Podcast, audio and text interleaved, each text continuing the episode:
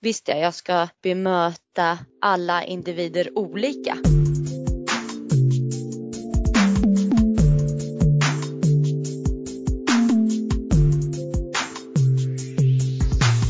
Hej och välkommen till det 64 avsnittet av FoU-podden.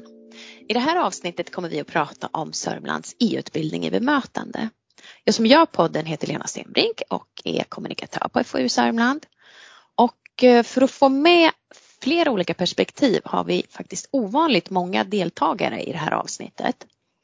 Vi spelar in via Teams och eh, med idag är Eva-Charlotte Berntsson, Linda Andersson, Magnus Gustafsson, Susanne Grundström, Paula Kandolf och Johanna Öberg. Varmt välkomna! Vi börjar med att ni får presentera er lite noggrannare vilka ni är och Eh, varför just ni är med i den här podden. Hejsan, Johanna Öberg heter jag och jag är kliniskt verksam specialistsjukgymnast på vårdcentralen Ekensberg i eh, Nyköping.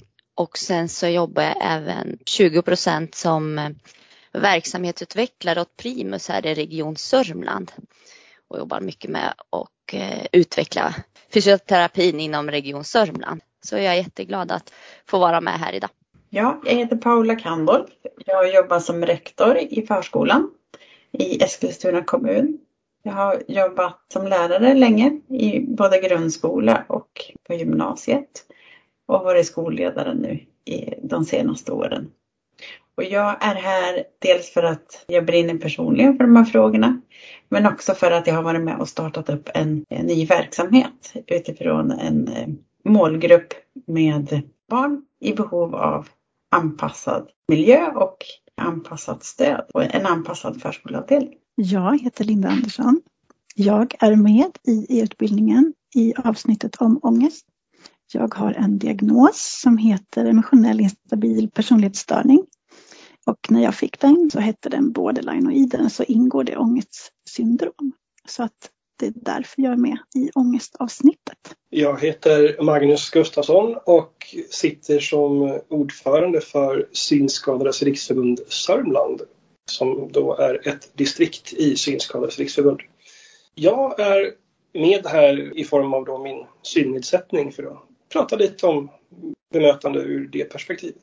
Hej, Susanne Grundström heter jag och eh, jag är här för jag har personlig erfarenhet i familjen med barn med autismdiagnoser och har även föreläst en del när det kommer till bemötande och har ganska stor erfarenhet av det och tycker det är jätteviktigt. Jag heter Eva-Charlotte Berntsson och är projektledare i Region Sörmland och min tjänst finns i division psykiatri och funktionshinder. Och jag är med här idag för att jag har jobbat med det här projektet och är väldigt angelägen om att det här erbjudandet om utbildningen kommer ut till så många som möjligt. För under de åren, faktiskt är det några år som jag hållit på med den här utbildningen och tar fram den, så har jag mött många som har sagt att man saknar kunskap och jag har också hört väldigt många berättelser om där man faktiskt skulle kunna göra annorlunda om man hade lite mer kunskap. Så därför är jag med idag. Och du är då också expert på utbildningen skulle jag vilja säga. Så att vi har ju spelat in ett avsnitt tidigare om utbildningen när vi pratar om just eh, vad det är för någonting och vilka den är till för och så. Men skulle du kunna ta det lite kort? Ja just det, vi pratade ju om det här i podd nummer 50, FoU-podden. Utbildningen som är en webbutbildning den heter personcentrerat bemötande av personer med fysisk eller psykisk funktionsnedsättning. Och vi eh, har tagit fram den här utbildningen eftersom vi har sett att det finns ett stort behov av kunskap. Många kanske tänker att man gör jämlikt eller man är jämlik och man gör lika till alla, men det funkar inte. Vi behöver tänka till utifrån att vi människor har olika förutsättningar och det är också under det här projektets gång så har jag ju hört många berättelser där man tänker att oj, det här blev inte så bra och där det saknas kunskap. Men jag har också hört många som frågar efter mer kunskap som säger aha, det här skulle jag ha vetat innan. Då hade jag kunnat bemöta på ett bättre sätt. Det är ju anledningen till att man ska gå den här utbildningen, att man får mer kunskap och också reflektera över hur man gör. Och den här utbildningen riktar sig till personer som arbetar åt regionen, i regionen eller i kommunerna eller åt kommunerna så kan man få möjlighet att gå den här utbildningen. Sen vill vi nå också andra personer som till exempel gode män som kan ha mycket att göra med den här målgruppen. Och det kommer vi att jobba med lite här när allting är på plats. Ja, och eh, några av er som är med i det här avsnittet nu har ju faktiskt egna erfarenheter antingen för er själva eller för era barn. Så jag tänkte att ni kanske kan berätta lite vad ni har för erfarenheter av bemötande. Eh, speciellt då när det gäller i offentlig sektor. Ja, Susanne. Vad jag har mycket erfarenhet av är ja, främst skola. Och då kan jag ta ett exempel när eh, sonen då som har en autismdiagnos ska till skolan och eh, taxin som alltid brukar ställa sig på ett speciellt sätt ska hämta honom. Han blir inte informerad om till exempel att det kommer en ny taxi eller en annan taxichaufför. Och det ställer ju hela hans dag på ända. För att ingenting är som det ska och det kan ju innebära att vad som helst kan hända. Och eh, då, då blir det en dag hemma. För då får han ångest över det och, och kanske har erfarenhet av att han har kastat sig ut i det okända och åkt ändå. Och då är radion på, det kanske luktar mycket parfym, chauffören pratar mycket eller så vidare. Och det kan ju vara en fruktansvärd upplevelse. Det kanske låter väldigt trevligt men i det här fallet så, så resulterar ju det i att man inte vill åka mer överhuvudtaget kanske om du vill se illa. Ska jag ta en eh, positiv berättelse så kan jag berätta om en chaufför som backar upp, knackar på, presenterar sig, visar bilen och talar om att det är jag som kommer att hämta dig imorgon till exempel. Så det har ju varit jättefint. Det är nog jättebra att få höra bara en sån ganska enkel sak. Mm. Faktiskt. Vilken mm. skillnad det kan göra. Vad säger du Magnus? Ja, mina möten är ju oftast, i och för sig ganska sällan, men ändå oftast med personal inom vården. Och i enstaka fall emellanåt åker jag färdtjänst. Och de gånger som jag eh, i vården har haft sällskap med mig eh, för att hitta dit jag ska. Så jag har ledsagare som jag då har varit i alla fall någon form av anhörig. Det kan ha varit en sambo eller min brorson eller så. Så ofta så pratar man med mitt sällskap och man pratar inte med mig. Nu har ju jag förvisso ganska bra mål i mun så jag brukar det där och då, kanske inte tyvärr speciellt vänligt, men jag blir lite sur och fräsa till och konstaterar att det är faktiskt mig du ska prata med i de här lägena. Och eh, det brukar bita ganska bra för att träffar man på samma människa igen så gör de inte om det utan många har till och med liksom lagt handen på min axel då liksom knackat på mig och konstigt...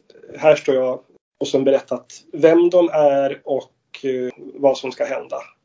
Sen händer det att man träffar på riktiga guldkorn. Det är ett antal år sedan nu som jag skulle till dagkirurgen och hade sällskap av min far dit. Som, han har också en synnedsättning men han använder inte vit käpp i samma utsträckning som jag gör.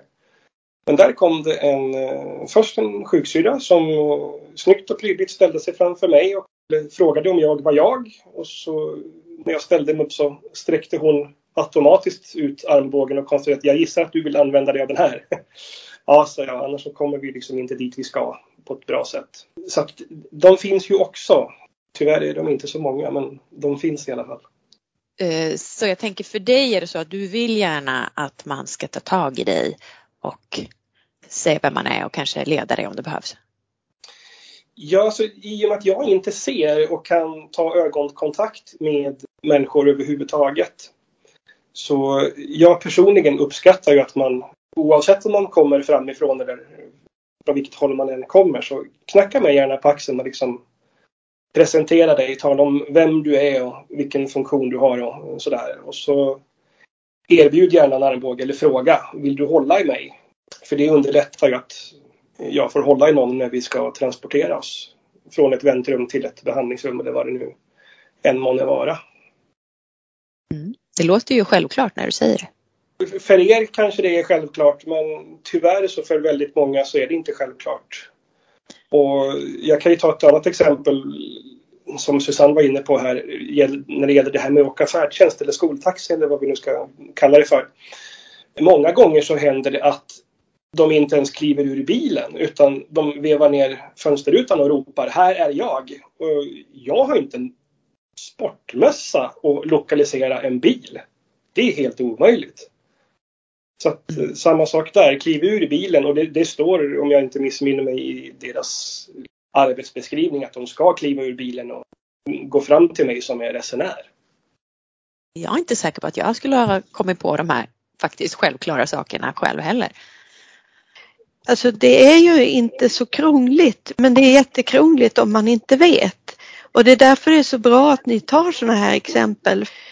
Och det är också sånt vi säger i utbildningen att ja, men ha inte störande ljud. Det är många som tappar fokus om man har radion på i bilen eller om det är liksom lampor som blinkar och tickar och sådär. Och, och just det här att fråga hur man vill ha det om, om det är så men erbjud en armbåge. Att de här tipsen också finns med där folk berättar hur de vill ha det. Jag tycker det är superbra att ni gör det också. Ska vi höra på Linda här. Jag vill börja med att säga att jag är hemskt ledsen över er att ni har behövt vara med om dåliga erfarenheter. Jag tycker det är jättetråkigt att vi, vi alla, verkar, alla jag möter verkar ha erfarenhet av det. Jag själv har ju en diagnos som många inte kan så mycket om. Och eh, det finns ju mycket fördomar om den, precis som andra diagnoser. Jag har märkt det när jag till exempel går till vårdcentralen för att Eh, vi säger att jag har stukat mitt finger eller jag kanske har något utslag.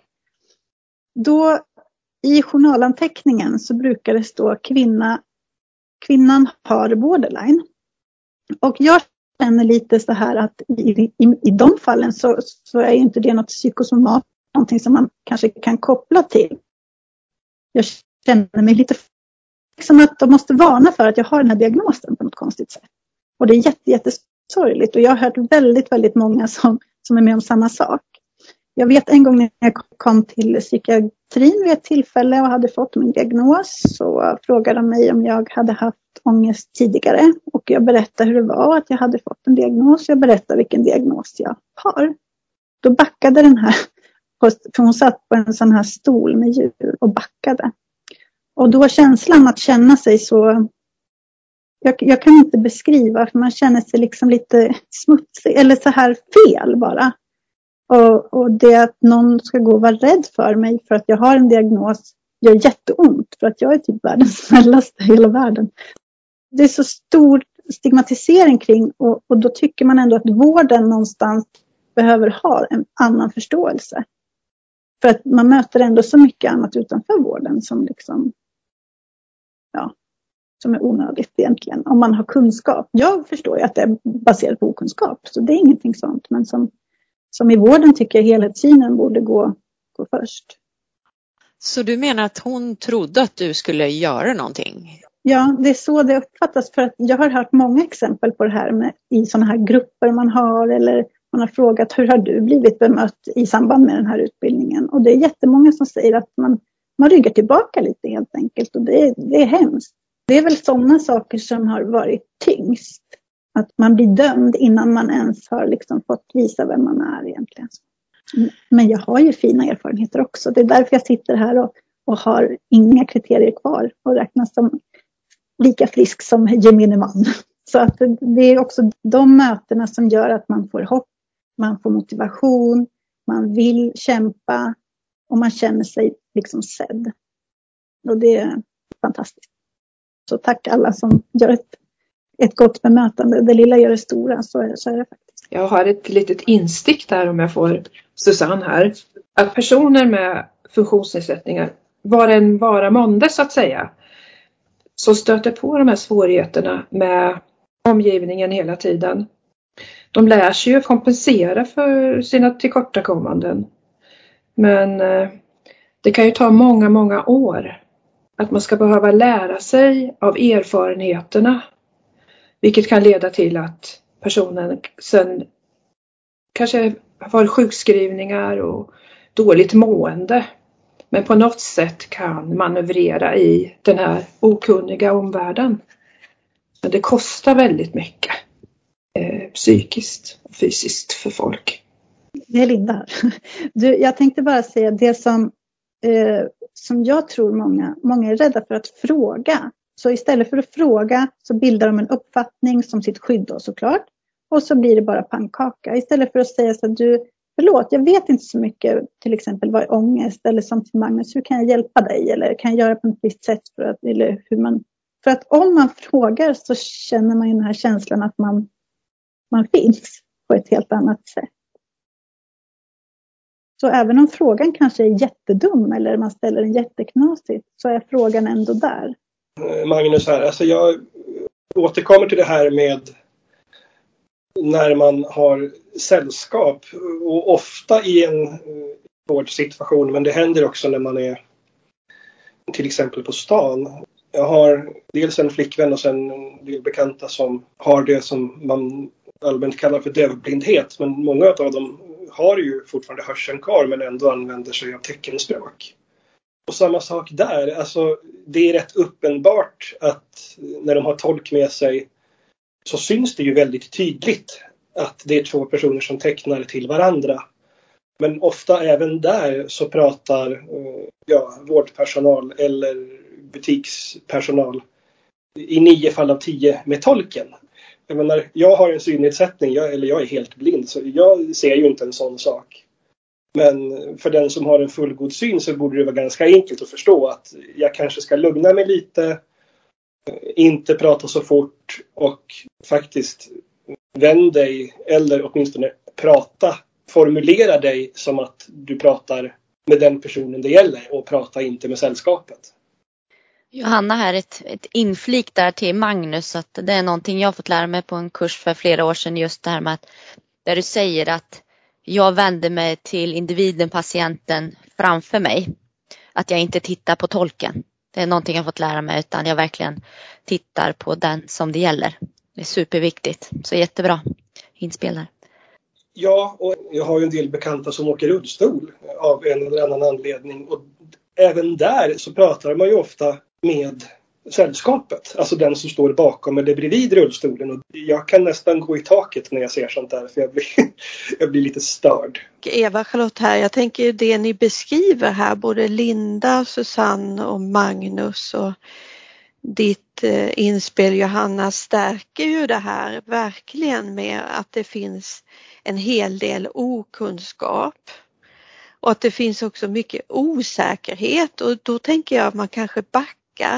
Rädsla. Har jag också mött att människor har? Liksom, men hur ska jag kunna bemöta en person som kanske är i en psykos? Om man liksom inte alls hänger med. Vad pratar den här personen om? Och man tycker bara det är helt galet. Men det är fortfarande inget farligt. Vi är fortfarande människor allihopa oavsett om vi har funktionsnedsättning eller svårigheter eller behöver ha mindre ljud omkring oss eller behöver ha ett tydligare ledsagning. Så att det finns verkligen mycket som, som vi behöver jobba med när det gäller bemötande.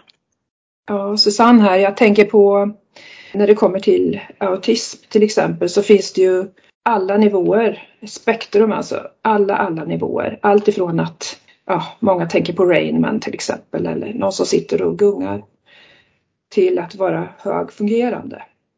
Och då kan man ju ha det liksom som den person som ska bemöta. Man har inte spektrat framför sig och vet inte hur man ska bemöta en person med autism. Jag har saknat många gånger, i alla fall när min son var mindre, att det skulle stå i hans journal att han var autist. Så att det skulle kunna hjälpa. Men eh, ta bara en sån sak som att man kommer in i ett rum och eh, ska träffa en okänd läkare till exempel. Och Eh, ett läkarrum kan ju många gånger bestå av hur mycket som helst. Lampor och utrustning, datorer och som en annan person beskrev. Det är pallar och det är stolar och det finns en bänk och så finns det en brits. Och, och så säger läkaren bara, slår ut med armarna och säger hej välkommen, slå dig ner. Ja just det. Var någonstans och, och så vidare. Det finns, det finns så mycket och eh, som kan gå fel i ett sånt här spänt läge. För att det är ju ändå ett otroligt spänt läge för patienten. Johanna här som ett inlägg där till Susanne. Har vi en bra journal framför oss i journalsystemet så är det önskvärt att en huvuddiagnos som autism eller någon annan neuropsykiatrisk diagnos så är det bra om det står längst upp i journalen för då ser jag, då förstår jag att jag ska bemöta den här personen på ett annat sätt mot kanske personen som jag hade innan med att jag kanske ska vara tydlig. Jag börjar med hur ska jag ta i personen eller inte och sen så just där hur kan jag hjälpa dig? Hur, hur vill du ha det? Då har vi en bra journal framför oss men det vore ju fint om det, det fungerade på alla ställen för det skulle underlätta så i det personliga bemötandet för det är ganska jobbigt till exempel vid ett vårdbesök. Paula här, jag tänker att det är två olika eh, situationer. Ibland så har vi kunskap, vi vet personen vi möter har någon form av funktionsnedsättning eller att det finns någonting vi behöver tänka på för att det ska bli bra för alla som är med. Och då upplever jag ofta att det handlar om en oro och en rädsla för att göra fel. Lite det vi har varit inne på. Och det tänker jag är en jätteviktig del i den här utbildningen. Att visa på olika perspektiv på ett avdramatiserat sätt. Och det som Linda lyfter också, att våga fråga om man inte riktigt vet hur man ska göra. Men sen tänker jag att det finns många andra situationer där vi inte vet. Och, och att det då kan bli missförstånd. Och på det viset är det nästan ännu viktigare att prata om det här. Så att vi har tentaklerna ute. Att vi alltid har ett eh, nyfiket förhållningssätt på det mötet vi är i. Eh, för det är då vi har möjlighet att få till det bra.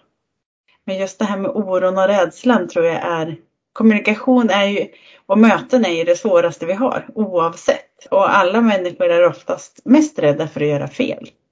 Så att det ställer till en hel del. Men jag tänker utifrån det här om man vet eller inte vet. Ibland kan det bli så laddat när man vet att då ökar rädslan för att göra fel. Då kan det bli ännu tokigare om man fastnar i den fällan. Ja, det låter i alla fall som att den här utbildningen är väldigt viktig. Och då tänker jag Paula och Johanna, visst hade ni gått några av modulerna i alla fall?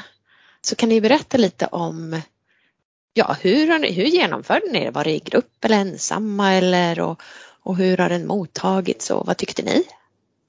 Johanna här. Vi har gjort eh, utbildningen och tittar jag på kompetensportalen där det ligger här i Region Sörmland då tittar man ju på att det är väldigt många medarbetare som skattar utbildning hög, de som har gått. Och vi har haft den på vårdcentralen på ett APT bland alla våra medarbetare. Och eh, vi har kikat på filmerna och vi har gjort även reflektionsfrågorna efteråt. Och det är ju väldigt bra att göra den här utbildningen egentligen varje år för att det är så bra material och sen så vi tror att vi gör det bra men man kan göra ett ännu godare bemötande. Så det har tagits emot jättebra på vårdcentralen. Jag har ju även utbildningen för våra studenter som går specialistutbildning, sjukgymnaster, fysioterapeuter. Och det är delmoment som vi gör och då diskuterar vi också i stor grupp om momenten. Och eh, utbildningen är ju grym och då är ändå titta vad som finns i Sverige överlag. Och, och just att den är så välgjord det växlar i, i frågor, i filmer, man klickar på svarsalternativ.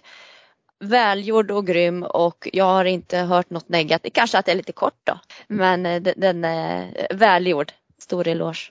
Mm. Paula här. Jag har bara genomfört en del av, av utbildningen själv.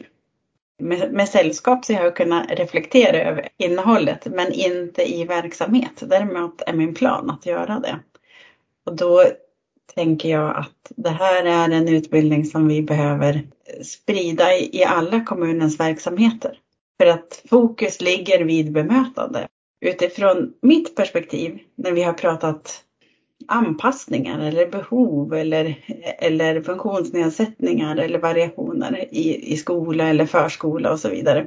Så handlar det ofta om information om själva diagnosen, diagnoskriterier och så vidare. Och det är ju en del av det här, men den andra delen är att vi möter individer. Och då är det bemötandet som är det avgörande. Och jag har inte stött på en sån här tydlig och lättillgänglig eh, information som, det, som finns i den här utbildningen. Vilket är jättepositivt och jag tänker att då behöver vi titta på den här i alla verksamheter. Och jag har planerat att göra det med mina medarbetare under våren och hoppas kunna sprida information i mina, till mina kollegor och vidare till andra förvaltningar. Så vi får ett genomslag. Och det som också varit bra från eh, Eva-Charlotte här att den har ju, länken har ju gått ut också från FoU att kolla det här finns. Så att eh, vi medarbetare ser det också. Så det är jättebra att det går ut information. Ja. Linda? Jo, alltså jag läser till behandlingspedagog i dagsläget på yrkeshögskola och jag har läst till mentalskötare och då är det mycket psykiatri och psykologi och så som det är.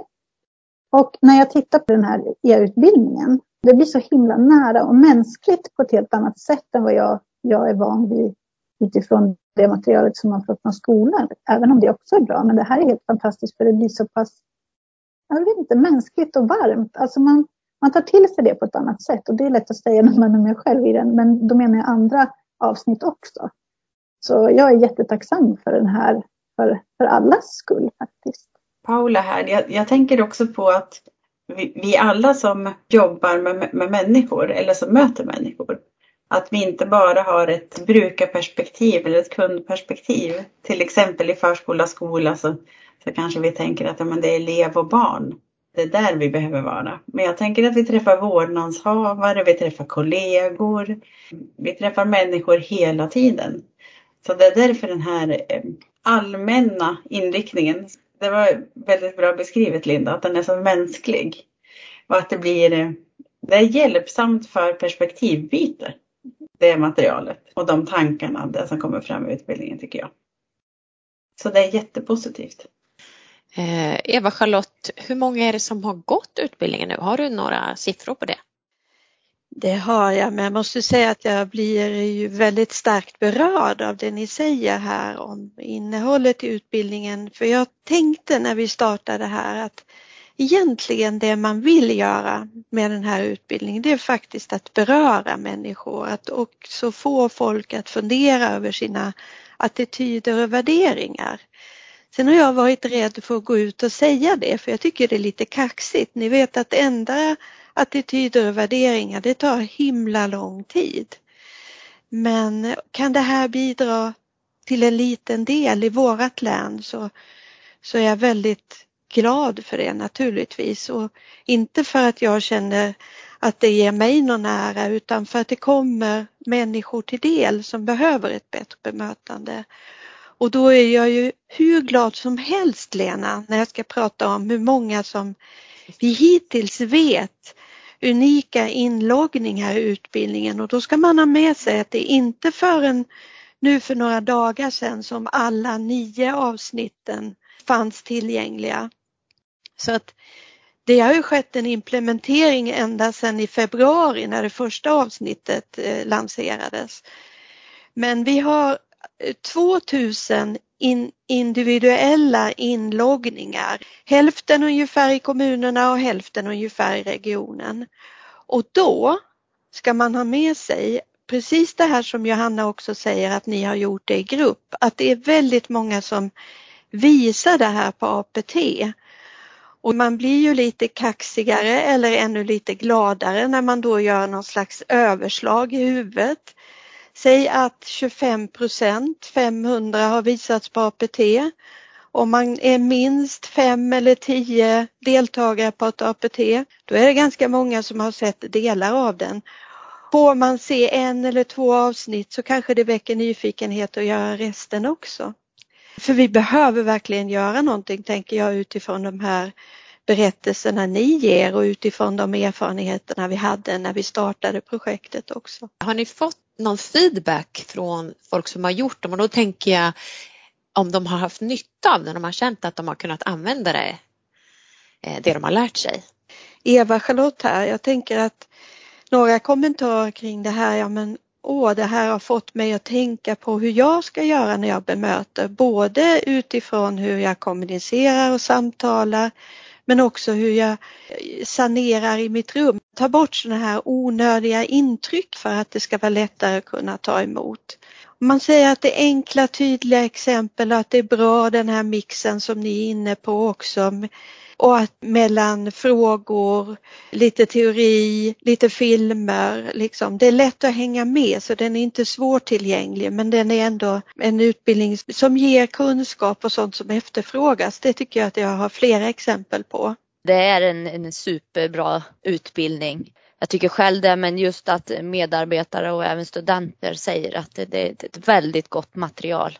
Och jag hoppas också att eh, fler kommer gå den. Jag hoppas också att den blir obligatorisk på sikt också för att den är väldigt välgjord. Men jag har bara fått positiva kommentarer kring den. Så att eh, stor eloge och enkel också.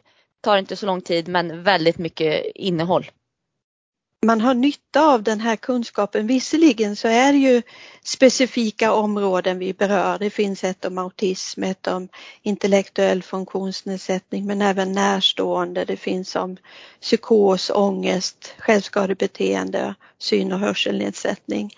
Så det är ju en bredd i det men många av de här tipsen handlar ju också om det här att vi har människor omkring oss i alla möjliga sammanhang, inte bara vad vi ska göra på jobbet. Det är flera som har sagt att ja men det här kan jag ha nytta av i privatlivet också. Och sen tänker jag också som du Susanne var lite inne på det här att autism till exempel, det är ju inte en enhetlighet, en diagnos, den, den varierar ju väldigt mycket. Och det syns inte heller alltid utanpå.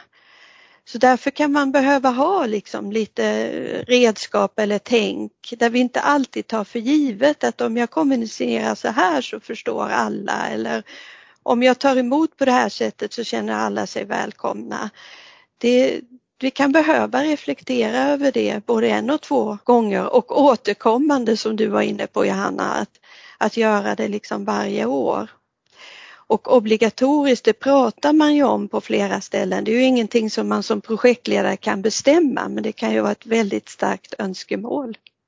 Och sen så bara en eloge det här med patientexemplen. Superbra, jättefint inspelat och just att det är från patienten. Det är inte projektledaren eller någon annan som har varit med utan just att det är patienten som beskriver i det dagliga. Så här upplever jag i hemmet, i min vårdmiljö eller hur det känns i sin diagnos. Och nu nämnde du ju Johanna att det är mycket vårdmiljösfilmer men det finns ju filmer från skolans värld, från äldre situationer hemma. Det finns, så det är en bredd i dem. För vi tänker ju att bemötandet är ju lika viktigt om man går till en handläggare i kommunen eller man finns i skolan eller det är jättebra om det sprider sig till många olika verksamheter. Johanna här. Mer kunskap i det här ämnet skapar ju ett bättre bemötande. Och det har ju hos oss gjort att du kanske tänker till lite efter att ha gått den här utbildningen att visst ja, jag ska bemöta alla individer olika. Ta in känslor, se den sociala förmågan, se det kulturella sammanhanget.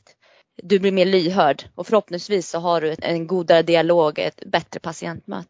Ja, det varit jätteintressant att lyssna på vad ni har haft att berätta nu. Är det någonting som vi har missat tycker ni som ni vill tillägga? Ja, Susanne här. Jag tänker bara att alla vill förstå och alla vill bli förstådda. Mm. Det tycker jag var en bra slutnot på det här poddavsnittet. Så då vill jag bara säga tack så jättemycket för att ni var med. Och till dig som har lyssnat så vill jag säga tack för att du har lyssnat på det här avsnittet av FoU-podden och hoppas som vanligt att du även vill höra nästa avsnitt. Ha en toppenfin dag. Hejdå!